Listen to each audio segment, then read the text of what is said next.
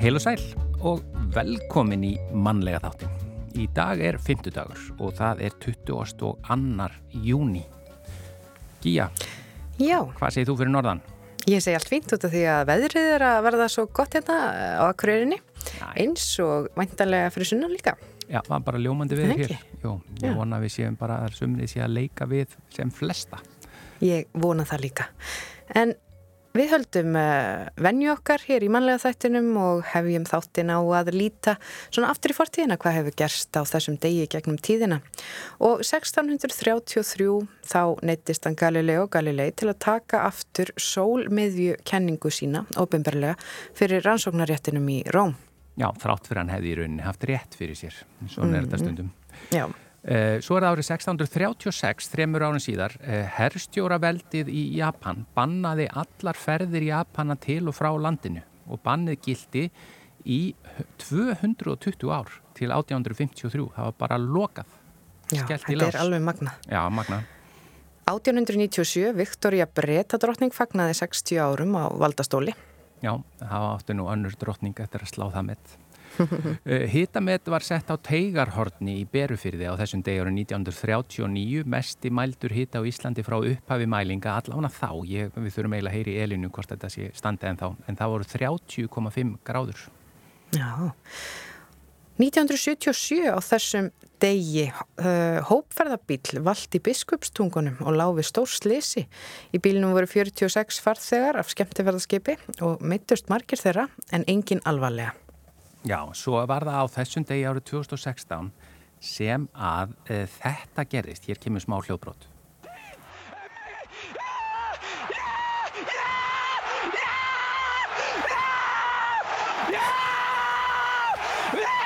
Þetta er eiginlega sko, þetta er alveg Þetta er sjúklega fyndið, þetta er dýrilegt og þetta er líka, ég fæ ennþá gæsa út sko, að ég man, ég var að segja við fyrir þáttinn að, að ég var að horfa á hana leik, þetta var semst, þegar kalla landslið konst í 16 lögúslið í Evrópukeppnu með Sigri á Austuríki. Ég öskraði svo mikið sjálfur að ég vissi ekki af þessi að Gumbi Ben hefði verið að öskra svona mikið í útsendingunum fyrir bara daginn eftir eða eitthvað sko. En þetta fór í sjómanstætti út um allan heim sko. Já, þetta rataði víða, enda mikla tilfinningar þarna og skemmtilegt. Já, talandi um miklar og stóra tilfinningar. Við, við ætlum að fá hana Sigriði Sofíu Níeldóttur, dansara, dansöfund, listakonu og nú síðast ljóðskald í spjall í þáttin í dag. Þetta er mannlegi þátturinn og hún gaf út ljóðabók sem heitir Til hamingju með að vera mannleg. Í ljóðunum í bókinni þá var hún að fara í gegnum reynslu sína af því að greinast með krabbamein og að gangi gegnum meðferð við meininu og það var í miðjum heimsfaraldri meiri. Sem dansari og danshöfundur er hún vön að skapa og tólka sína list með líkamannum en í þessu tilfelli þurfti hún að nota orðin. Við ætlum að fá hana bara að segja okkur frá því hvernig þetta gekk í þættinum í dag.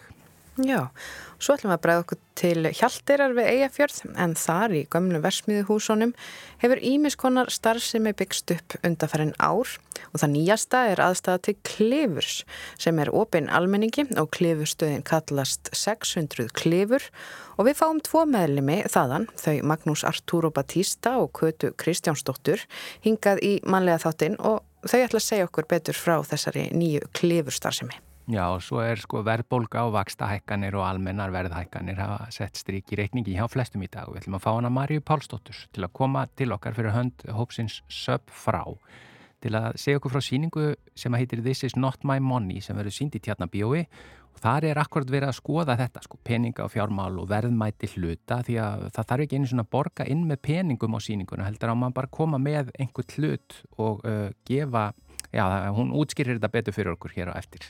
Við ætlum að nota, ég ætla ekki að segja misnota stöðu okkar, ég ætlum bara að nota stöðu okkar hér. Þetta er nú einu sinni mannlegi þátturinn og Guðrún Gunnarsdóttir er yfirleitt í honum. Hún á stóramal í dag. Já. Hún er, hún er uh, við segjum kannski ekki hvað, það er eh, bara stóramali. Já, hún á bara stór ammali og mannlegi þátturinn Já. sendir henni hjartanlegar afmæli sóskir. Já, og við nýtum okkur þá aðstöðu að hún er ekki í þættinum og spilum auðvitað lag með afmælisbarninu. Hér er eh, lagið Sumartíð sem að Yngvi Þór Kormáksson samti og latínudeildin spilar undir Guðrún Gunnarsdóttir afmælisbart dagsins.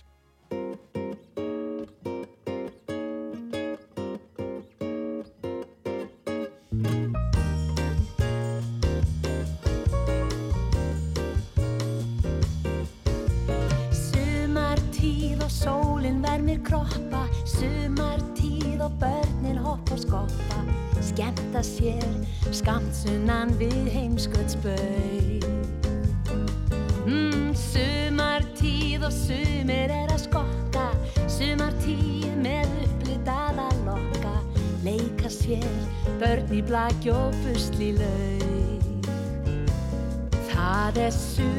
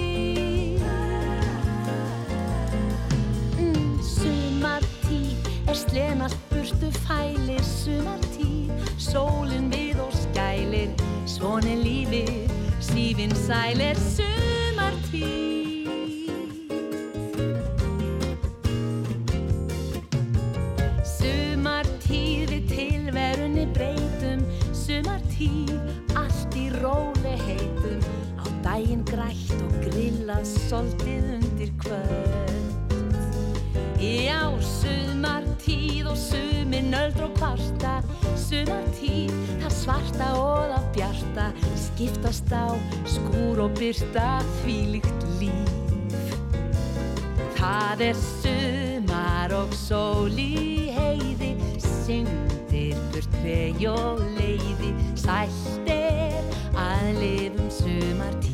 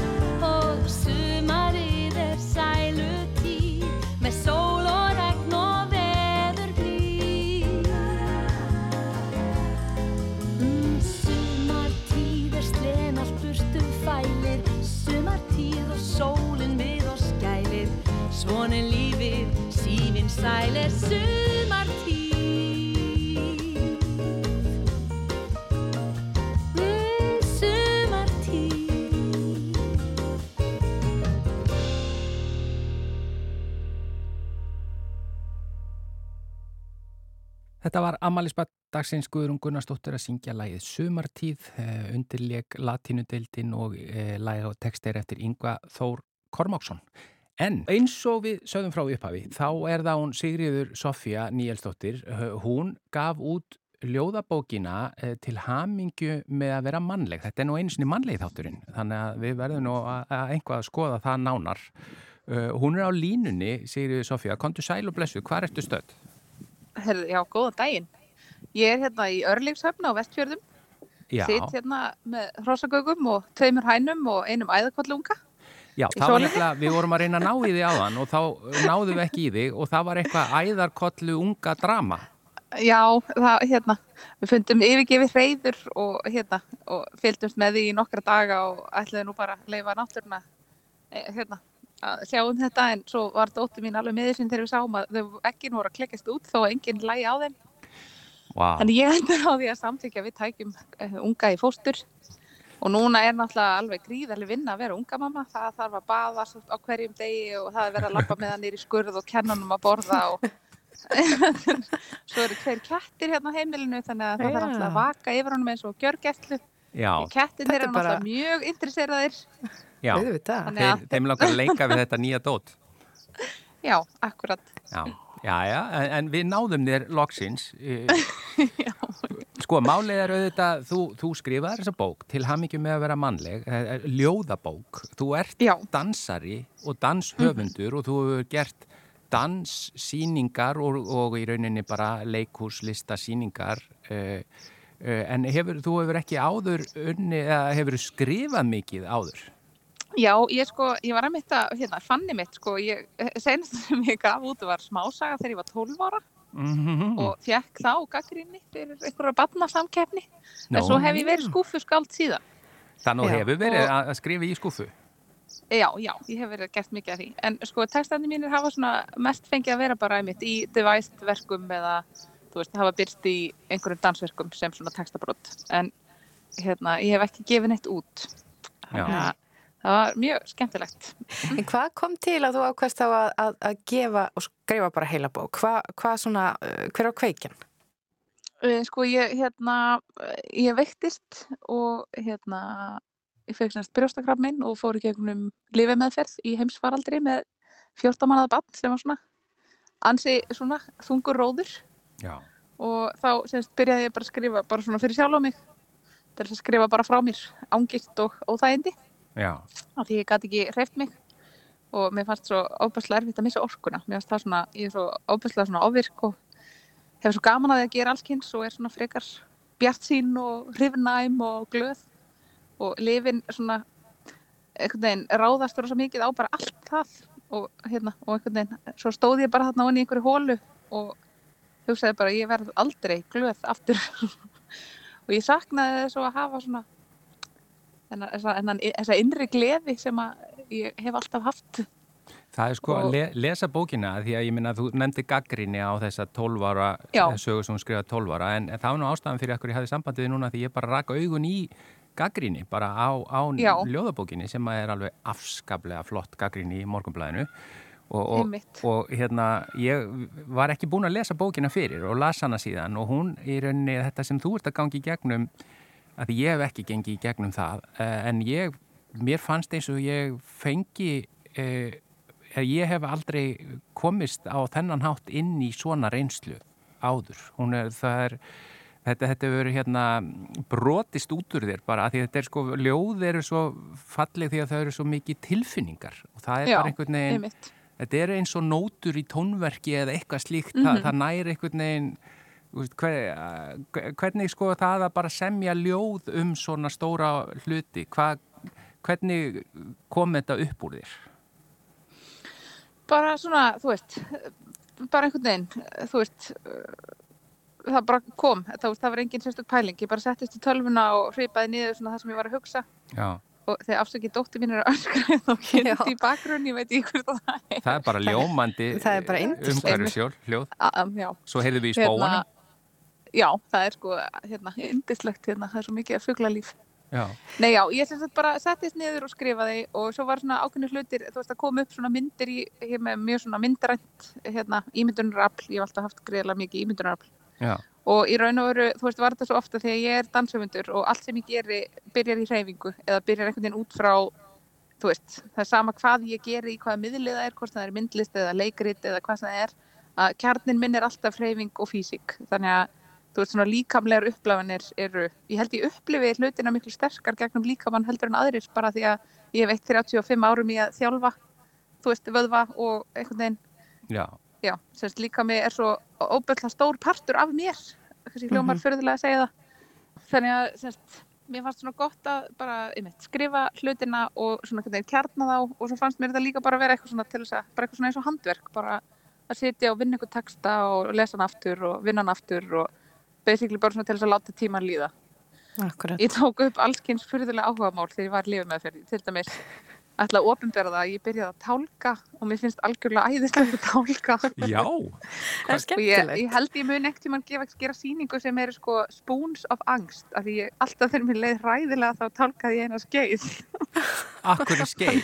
Þannig að ég á fimm skeiðar svona tálkaða skeiðar A- Af hverju skeið?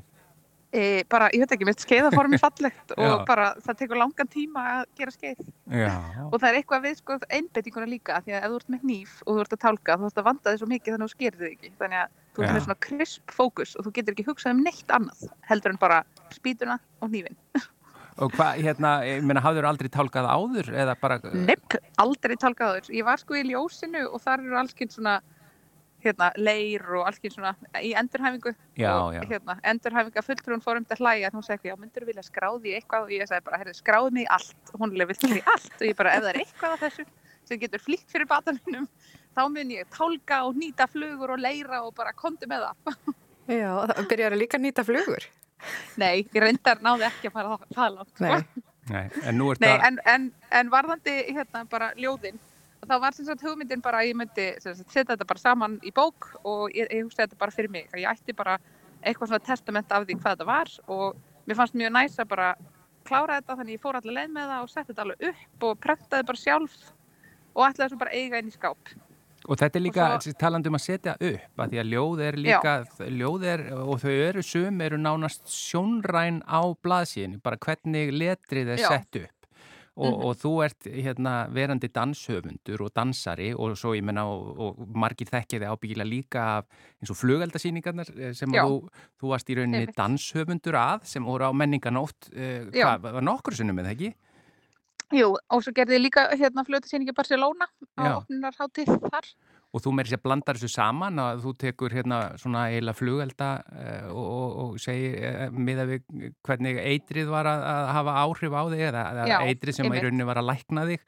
Það var eins og fluga, hinn, hinn orð þessar flugelda sem að ég kann ekki nafnið á en, en þú kunni Einmitt. nafnið á.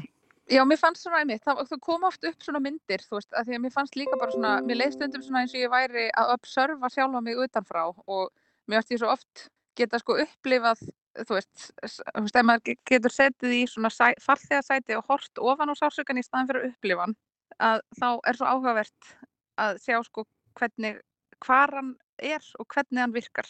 Já, Og ég las líka bók um sársöka fyrir mörgum árum og þar var hérna setning sem, er, sem ég er búin að hlæja svo oft hérna, sársöki er bara sterk tilfinning og ég hef svona grínast með það í tveimur verkum hvað ég er ósamála því en það er ótrúlega áhugavert til dæmis að sjá bara svona að reyna að greina sko hvað er hvað í svona blæbriðum, það er eitt ljóð sem heitir mitt bara blæbriði semst, og þarna mitt var ákveðið lif sem ég upplýði bara eins og flugöldasýningu því að það, það fór alltaf svona staðbundið á sömu staðina og svona einhvern veginn flætti niður vöðvan á mér sérstaklega sjálfvöðvan og eitthvað svona, svona stóra vöðvahópa. Bara eins Og og, og flugeld, eh, eins og raketta springur út einhvern veginn. Já, bara eins og að vera að springa í hnakkanum á mér og þannig eru sko taugaverkir sem er ekki hægt að deyfa. Wow. þannig að það skiptir eiginlega ekki máli hvaða lif þú tekur það virkar ekki, þannig að þú þarft eiginlega bara að læra að lifa með óþægindunum og þá er það einmitt bara hvað gerur til þess að hugsa um eitthvað annað. Þá, er það bara ok, þetta fasti. Ég get ekki gert neitt í því, hvað get ég gert annað? Get ég einmitt bara skrifa ljóð eða tálkað eða gert eitthvað til þess að taka huga minn frá því? Já, finna eitthvað í ákvæmt í erfiðum aðstæðum. Og það er eiginlega það sem þessi bók er rosa mikið í bara hvernig getur verið í erfiðum aðstæðum? Og það er eiginlega sama hversu ömurlegar aðstæðunar eru að maður getur alltaf fundið eitthvað eitt pínulítið sem þú getur reynt að stekka og hugsa ok, þetta er kannski ömurlegu dagur en vákað þessi kaffibótli er geggjaður. Og bara vákaðan ilmar vel og vákaði þakklátt fyrir að vera ekki óglatt og geta bara drukkið þetta kaffi. Þannig að þú veist, þetta svona, setur mann í svona þú veist, ég hef náttúrulega verið listamæður og hef, hef haft fókus á allskyns hluti og maður er ungur og vill meika það í listinni og allskyns og mér finnst ég svona að hafa eldst um 40 ár í þessu ferli og svona Mhm. hlutir sem að mér fannst ekki skipta máli, skipta með öllu máli núna þannig að, já, þú veist, það er kannski svona klísukent en þú veist, maður fær nýtt svona verðmæta mat að bara, núna er bara tíminn með börnunum mínum og kaffibóllinn og svo ótrúlega mikilvægur. En á sama tíma líka sko þegar maður fattar hversu stór partur af mér er sko vinnan mín og það að vera dansari.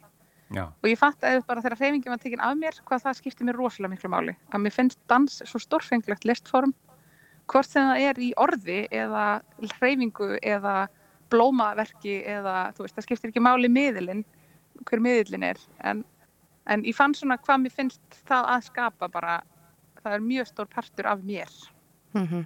Og hvernig, sko, þessi bók, uh, það er að koma hennar gaggrínar um hana núna og, og, og þær eru góðar, og, en hvernig hafa viðtökuna verið svona, til dæmis bara hjá þeim sem er að ganga í gegnum svipaða reynslu?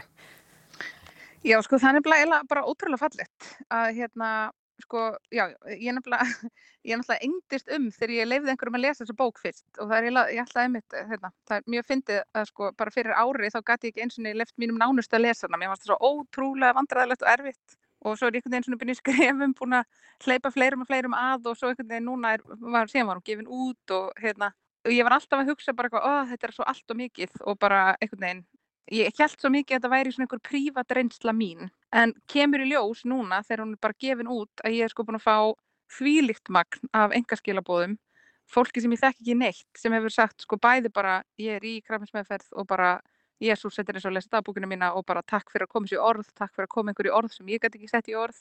Og svo er ég líka bara búin að fá allskyns posta frá fólki sem segir sko ég hef ekki gengið í gegnum lifameðferð eða krafamenn en ég hef hins vegar lendið mjög alvarlega áfalli og ég tengi við allt sem stendur í þessari bók.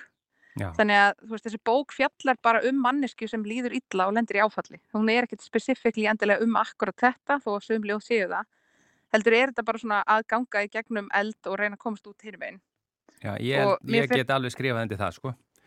Já, það er mjög, mjög fallegt og það er líka ástæðan fyrir ég gerir svona gjörning með bókina að semst sem ég ætlaði nú að gera fyrir ykkur ef ég hef verið í bænum. Já. og tekið sko polaroid mynd af ykkur og smelli ofan á og þá speiklast þú sjálfa því í bókinni. Og ah. veist þá er einhvern veginn komið mynd af þér framan á og síðan er sko bókinni er með svona opnum pappir Já. þannig ef þú leggur kaffibotlaðinn eða rauðvinsglasið þitt ofan á bókina þá mun ringur koma af þínu glasi ofan á bókina. Þannig að mér er svo fallega hugsun að hún veðrist svona með ykkar lífi. Já, já, já, og ef börnin ykkar eru með lasagna og drastl og mat á borðinu þá munir þessi bók grípa það og verða ósla söpuleg Já, það má, má sulla á þessa bók. sko. það, það má sulla á þessa bók. Já, og því mér finnst það líka að vera aftur svona, þú veist, það sem þú, þér finnst einhver, vera einhver óþægindi og þú ert pyrraðir yfir eitthvað alltaf allt í drastli og svo einhvern veginn, þegar þú færð síðan nýtt perspektíf þá er allt í bara já, nei. Þessi, þessar lasagna leifar eru vísbending um líf í húsinu mm og að hér eru börn sem eru fjörug og þú veist, hafa gaman og já. þú veist, þannig einhvern veginn, maður getur alltaf sett einhvern veginn nýtt ljós.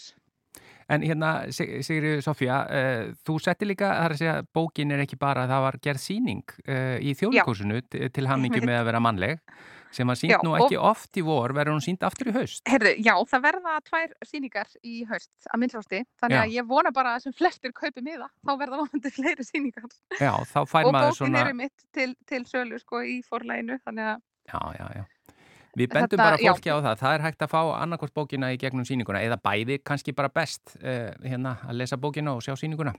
Já, ég held sko nefnilega að þetta eru svolítið ólíkir miðlar því að sko bókin er náttúrulega bara þar færð þú að setja upp myndirna sjálfur í huganum og þá tengjuru við það á sko miklu persónlegra leveli um, um leiðu þú færð síðan á síninguna að þá er ég búin að setja upp einhverja mynd og ég var mjög upptekinn af því að halda þessu mjög heiðarlegu og tilgerðalausu af því að mér finnst líka sko byrtingamindir sjúklinga í bæði bíómyndum og hérna leikriðutum hafa stuðað mig gríðarlega af því að þegar maður er veikur þá vil maður helst vera sterkur og maður vil ekki að fólk sjáu þú veist, hversu illa manni líður. Þannig að það er miklu meiri féluleikur Já, og þú segir að mér í einu mik ljóðinu, þú segir hérna verði ég, þú spyrður lækning hvort að þú verðir hárlaus og ælandi eins og í einhverju bíómynd, klísja Einmitt, akkurat. Já. og einhvern veginn, og þannig kemur aftur bara þú veist allir eru með mismunandi leiðir til þess að díla við hluti en mér varst þarna líka bara svona áhugavert að þú veist ég vildi setja verk með svona kvennaverk með sjö sterkum burðar rullum fyrir konur Já. þar sem við myndum sjá þú veist sterkar konur sem að er að gangi gegnum erfiða hluti og tala um erfiða hluti af því að þetta er einhvern veginn klúpur sem að það er myndið grínast með hérna krabmeisklúpur sem enginn vil gangi í en hérna maður er alltaf innu komin í að Já. Það var ágjur ekki af frumsýningum heldur af hvítum blóðkvöldnum og svona. Það er svona nýr veruleiki. Já, en Sigriður Sofía Níelsdóttir, dansar og dansöfundur, listakona og ljóðskald. Uh, þakkaði kella fyrir spjalli í mannlega þettinum og, og eh, bókinn til hammingi með að vera mannleg og, og síningin.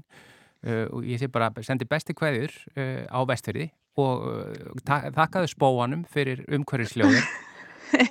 og gangi ykkur vel með... Og bara takk fyrir skemmtilegt spjall. Já, sumulegur, takk fyrir að hérna, gangi ykkur vel með æðarungan. Já, takk fyrir það. Bestu hverjur, bless, bless. Ok, bye.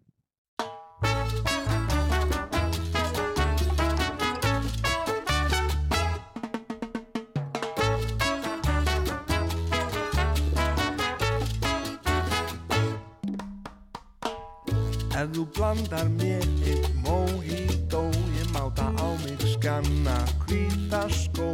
Eins og með þér gladur niður að sjó. Grít á með mér annan mojito. Ef þú drekkur með mér mojito Mun ég gróður setja rosa skó. Ef þú færð af massi meir en nóg Mæli ég með öðrum gefðu mér í glas.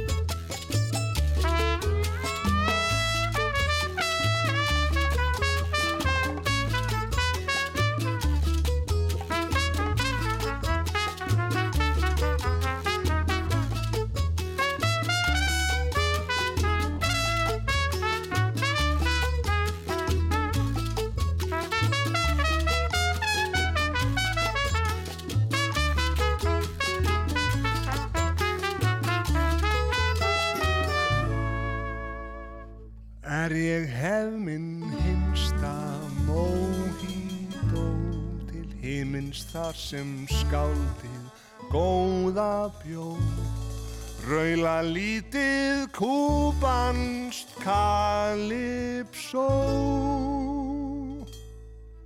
Og kannski fæ mér eitt mojito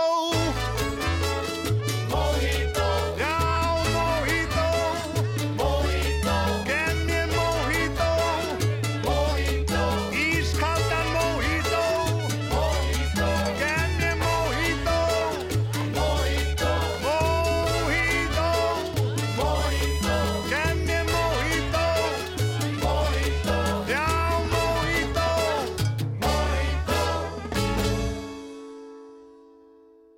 Þetta var Sigurður Guðmundsson og Memphis Mafian að syngja lagið síðasti Mojitóin eftir Braga Valdimar Skúlason.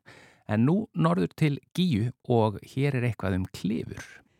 Ég er búin að klófesta hérna tvo meðlum í klifur samfélaginu hérna fyrir norðan hjá klifurstöð sem heitir 600 klifur. Það eru þau Magnús Arturo Batista og Kata Kristjánsdóttir. Komið í sæl. Hæ. Ertu Hæ. sæl, hæ. Sko, þetta klifur samfélag sem er núna að myndast út á Hjaltiri, hvenar byrjaði þetta? Um, við uh, og ég er frá Akureyri og við höfum verið að klifra bara í tengdum svona fjallamennsku íþróttum og verið í fjöllum mikið og ég byrjaði að klifra í gegnum Björgunsveitinu á Akureyri þar sem hann var klifuveggur þannig að það var svona upphæðið fyrir mig og, og nokkra fjallaði mína og síðan hefur þetta þróast og stekkað og við ákveðum bara að smíða klifuvegg til þess að geta stekka íþróttina og haldi áfram að byggja upp þetta sem að við byrjuðum í súlum Björgunsveitinu. Sko ég kem inn í þetta verkefni aðeins setna. Ég sjálfur er hérna meira á svona leysögu bakgrunn og byrja að klifra þar. Það er hérna, uh, Maggi er svona hugmynda smiður um svolítið að þessu. Ég kem ekki inn í verkefni fyrir bara fyrir nokkru mánuðin síðan. Aðeins til þess að halda áfram uppbygginguna og reyna að styðja áfram við þetta. Þannig að þetta er búið að taka nokkur ár og, og kannski greinilega vöndun á þessu. Þú talaður um að þú byrjaðir að klifra í Björgunsveitinni sem eru súlur eh, og það hefur kannski ekki verið opið almenningi. Maður þurfti kannski vera þá bara í Björgunsveitinni. Er þetta þá svona eh, að opna klifursportið fyrir fleira fólki?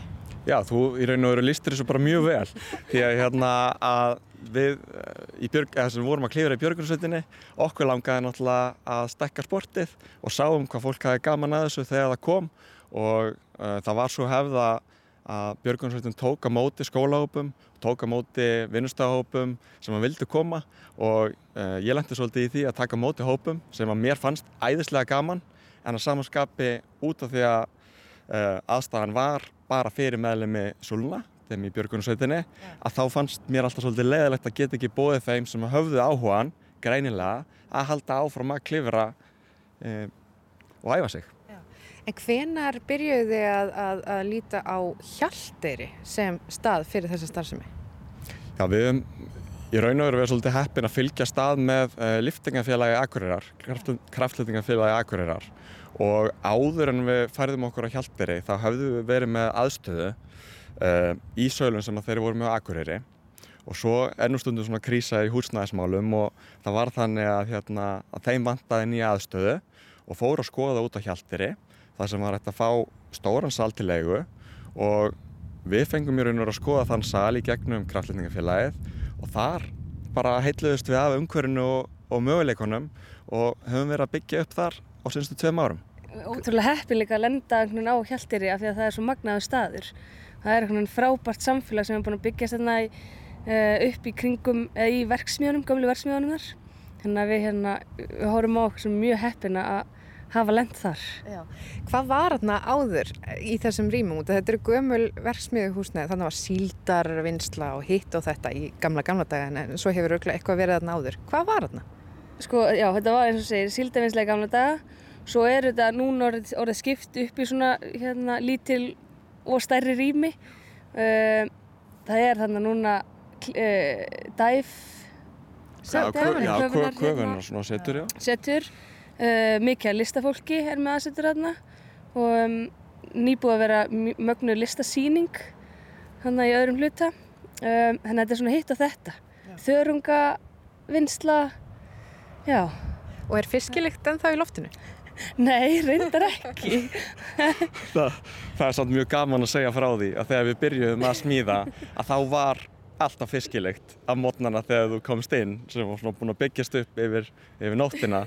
Og þegar að uh, liftingafélagi kom og skoði salin í fyrsta skipti þá var í raun og veru fyrsta verkefni að reynsa bara fiskvinnslu tækin og reynsa í raun og veru bara upp salin því að það var bara mjög mikil fiskilegt Flótagólfur upp og nýtt mála allt saman. Já. Þannig að það var alveg svona ár sem var svona smá fisk í keimu sko, en, en við vorum að það sé svona megninu til farið. Það er ekki bara notalegt. Mér fannst það alveg notalegt Það síður að koma með það aftur inn setja eitthvað svona fiski á róma Já, fe fela fisk bakvið vekkin Það er alltaf einhver hugmynd. En hvernig hefur svona klifursamfélagið á Íslandi tekið sér og margir að koma til ykkar? Um, já. já, við hefum bara fengið ótrúlega stöðning uh, frá samfélaginu sem er á Íslandi uh, og að klifra. Sem er sívaksandi það er búið að alveg hérna, vera mikil gróska og er að koma svona litli vekkir hér og þar í öllum litlum samfélögum eða mörgum litlum samfélögum. Hérna, hérna, já.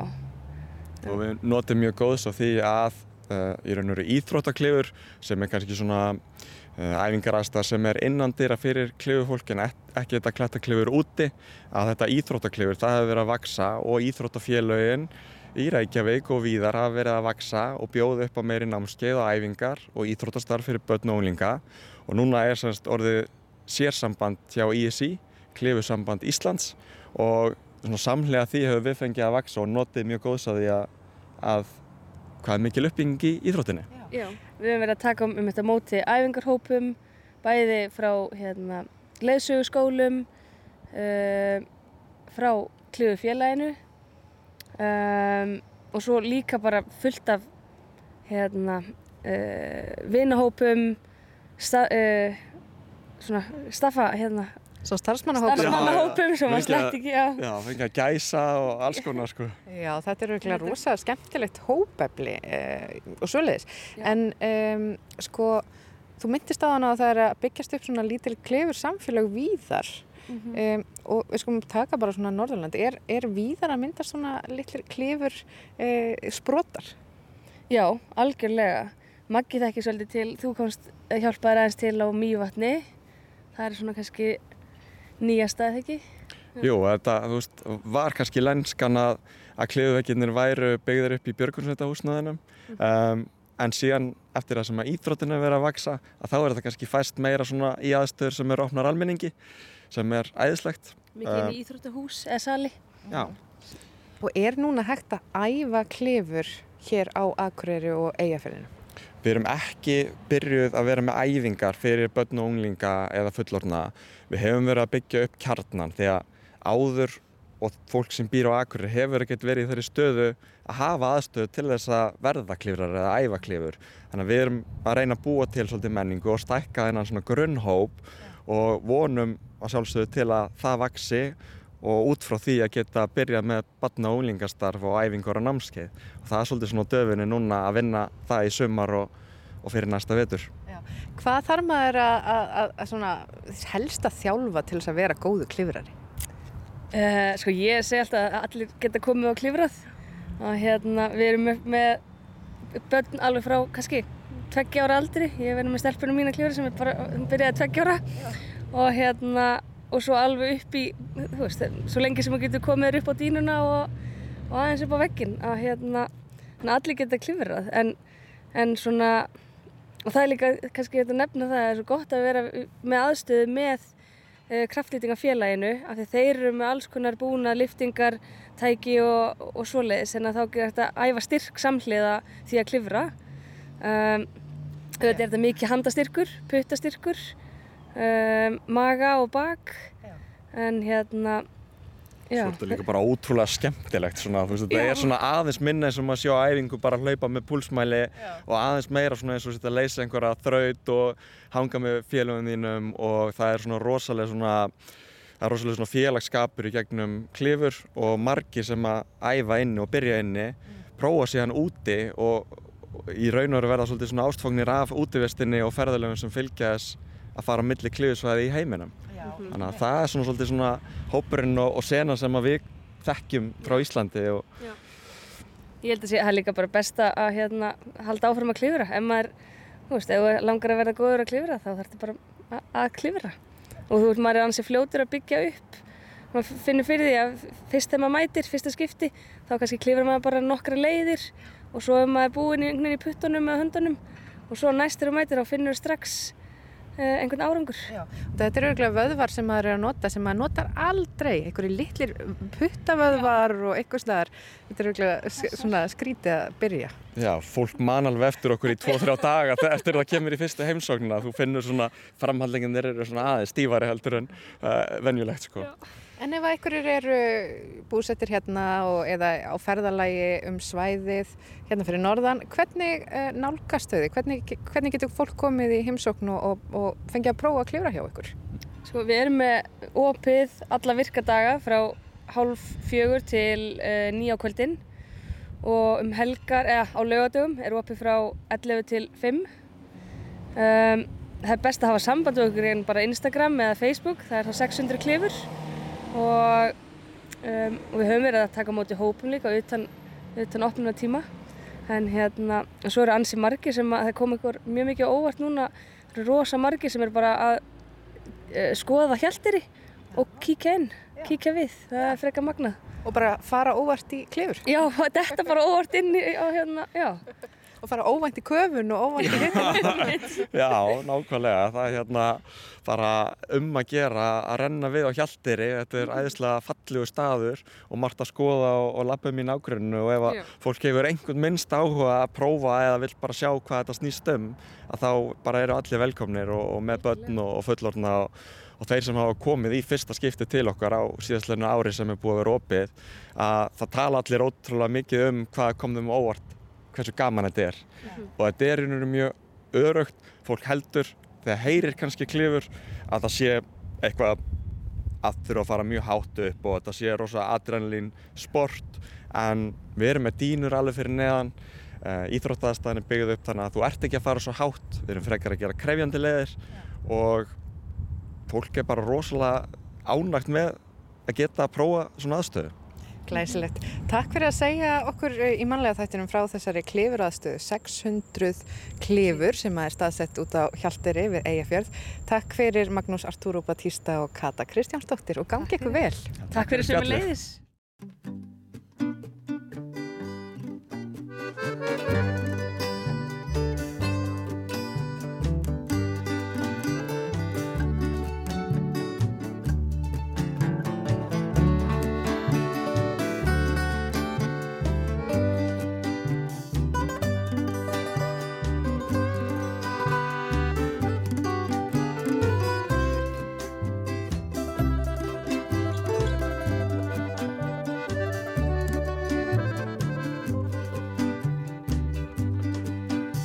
tropical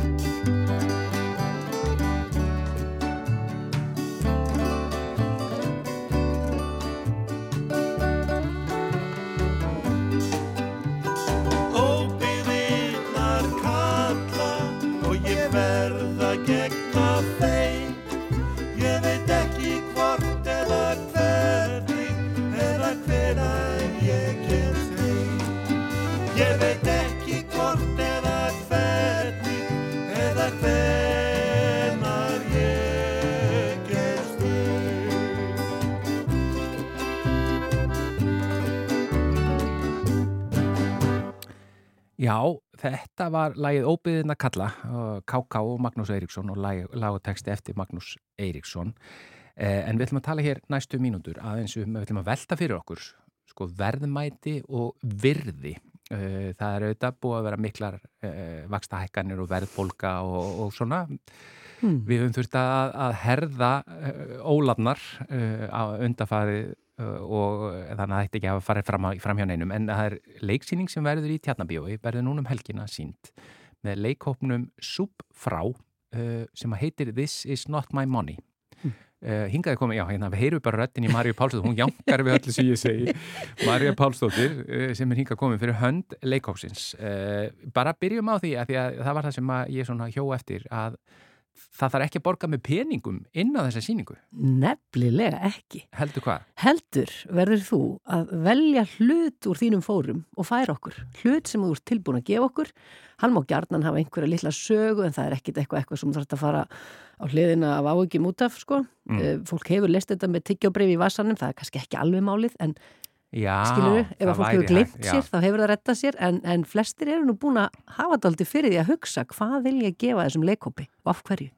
Hann sé einhvers virði, eða svona- einhver saga eða eitthvað svona, eitthvað, eða, eða þá bara hluturinn sem ég var á leiðinni með í sorpu en hafði ekki tíma til þess, þetta þarf ekki að vera flókið og á ekki að vera það, Já. en þetta verður til þess að fólki sem ætlar að koma og sjá og vera með okkur, það fyrir að velta fyrir sér dóti og hlutum og verðmætamatti og það er það sem okkur langar svolítið að gera.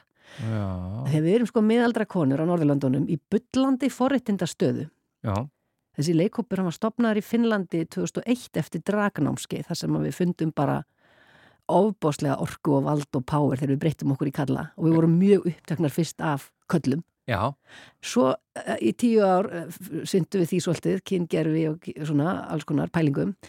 Svo tókum við bara tíu ára pásu en 2018 fórum við að hittast og, og spá í hvort við getum ekki gert eitthvað í tilumni 20 ára amalisins sem var 21 mm. og okkur fannst bara tilvalið að kanna hvað við hefðum, hvað rött við hefðum í dag í listum veist, og hvað, hvað listina getur gert svo sem fyrir heiminn, hvernig getur við bjargað heiminum Mm. og þá, þá fórum við svona að leita og þreyfa fyrir okkur og svo kom náttúrulega heimsfaraldur og nýta og við vorum bara að æfa okkur á Zoom og svona Já, bara leiklista, leikhús, leiksýning á Já, við vorum bara í tvær í Finnlandi, tvær í Svíþjóð, einn í Noregi og ég, svo heldist nú þessi Noregi úr lestinni en við vorum bara á Zoom með allskynns svona eiginlega bara vinnu, vinnubúðir, við vorum bara prófa einhverja gjörninga fyrir fram að kamerun og svona og smám saman sapnaðist í sarpin og svo hittust við nú nokkrar helgar svona bara strax í COVID og eftir COVID og náðum að frumsýna þessa síningu í fyrra á leiklistarháttíð í Hangu í Finnlandi. Já, þannig þið frumsýnið og fyrir, ég held að þið hefðu bara samið þetta allt núna eftir alla þessar vakstahækkunni en þetta er kannski ekkit endilega heldur einstæmi í Íslandsugunni eða heimsugunni. Nei, þetta er víða það bara hittist hann í á að akkurat núna er kannski fólk líka velta fyrir sér hverju, hverju krónu og hverju maur en það hefur alltaf gerst annars lægið og við erum bara svolítið með áhyggjur af heiminum sko, við erum svolítið að drepa okkur á eigin nýstlu, við erum að kaupa, kaupa, kaupa mm. en það er svo erfitt að segja bara ekki kaupa þannig að veist, með, með þessu að taka þátt í þessu verki með okkur þá kannski fyrir fólk eitthvað aðeins að hugsa veist, maður þarf einhver starf að byrja, maður þarf einhver starf að vekja fólk til umhugsunar Já. og þetta er okkar svona litla lóða vogaskálanar Og er, hérna, er þú eina, er ég að lesa það rétt að þú set ein, eina íslenska uh, listarleikonan í, í þessu? Við vorum sérstaklega eh, fjögur sem að tókum þátt í svona nordist magisteror í eh, Helsingi, í, Finnla, í finska leiklistaskólanum, sænskumalandi þar Já. og þá voru þau búin að vera þrjú ár að taka bachelorinn sko og svo var svona masters ár og þá bættuðu við svona norrænum nefnum, þannig að ég var svo eina frá Íslandi og þessar tvær voru frá Noregi svo var eitt strákur, nei þessar tvær voru frá Svíþjóð og svo var eitt strákur frá Noregi líka. Þannig að En þetta er ja, þannig að sko við erum náttúrulega bara í, sérstaklega kannski í þessu árferð núna erum einmitt að velta fyrir okkur mm. bara hvað er uh, hvers virði og mm. hvað, er, mm. hvað er mest virði og mm. hvað er, hvað er við kannski að eigða er, er, það er það, það á þeim slóðum sem þið eru hvað Já. eru við að eigða kannski óþarfa áhyggjum í eða hvað? Svo erum við líka svolítið að spá í sko, hvað er dýrmætt er það minningarnar okkar, er það sögurnar okkar því að þegar fólk er búið að aðfenda okkur þessar hluti þá verða hlutirnir partur af síningunni No. og í rauninni er þetta svona góðgerðar viðbörður, við viljum kannski ekki kalla þetta leiksýningu en þetta er góðgerðar viðbörður auðvitað er þetta leiksýning. Já. en við erum bara að sapna pening fyrir góðu málstað.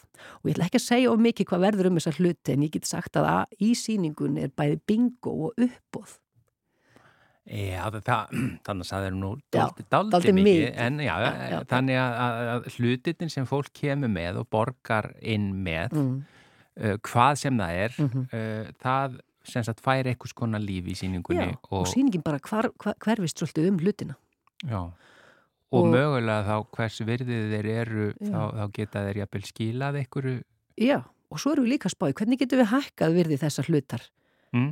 og hvað er það sem að gera hann kannski vermatari eldur en hann var mm -hmm. er það einhver saga eða söngur eða treði þessu í nærbjöksuna mínar veist, hvað er hvað er, það sem er verðmætt og hvað, hvað borguðu fyrir ég meina það er bara akkurat það ef við skoðum bara hérna uh, listasöguna mm. og, og bara sem dæmi málverk eða eitthvað slíkt sko, af hverju er eitt málverk mm.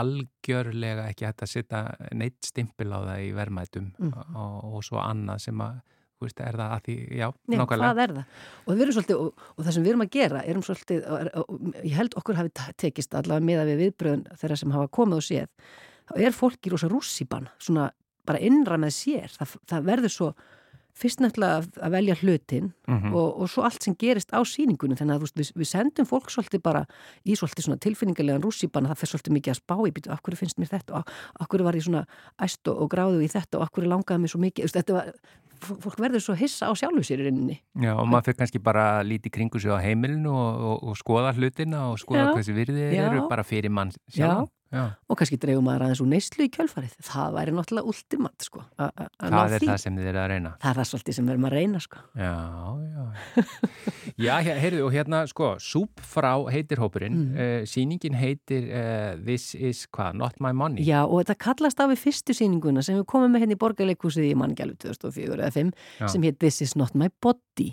því að þá vorum við í draki Já. Þetta er svo gaman að geta nefna síninguna nánast sama titli nema nú erum við ekki að spá lengur í kynin, við erum að spá í völd og peninga. Já. Og um helgina, mm. bæði lögut á sunda. Já, í tjarnabjö klukkan halv åtta, það er held í einn mið eftir laus á miðugtaskvöldi, það komast bara 35 að, Já. en örvæntið ekki því að okkar reynsla er svo að því að fólk þarf ekki að borga fyrir miðan þá finnst ég allt í læg að sleppa því að mæta og grilla frekar ef það er gott veður sem við vonum náttúrulega enginn geri. Nei, en ef fólk vil endilega absolutt koma og er ekki búið til þessi miða og fær ekki miða renniði bara við og sjáuði hvort það verði ekki forföll af því að það hafa alltaf á hverju einustu síningu hingað til sem hafa alla verið uppseldar hafa alltaf verið forföll Talandum virði hluta. Talandi ef að um maður getur skráð sér fyrir einhverju sem maður er ekki að fara að borga fyrir. Þá, Hælda aðeins í þessu, er Já. þetta ekki gali?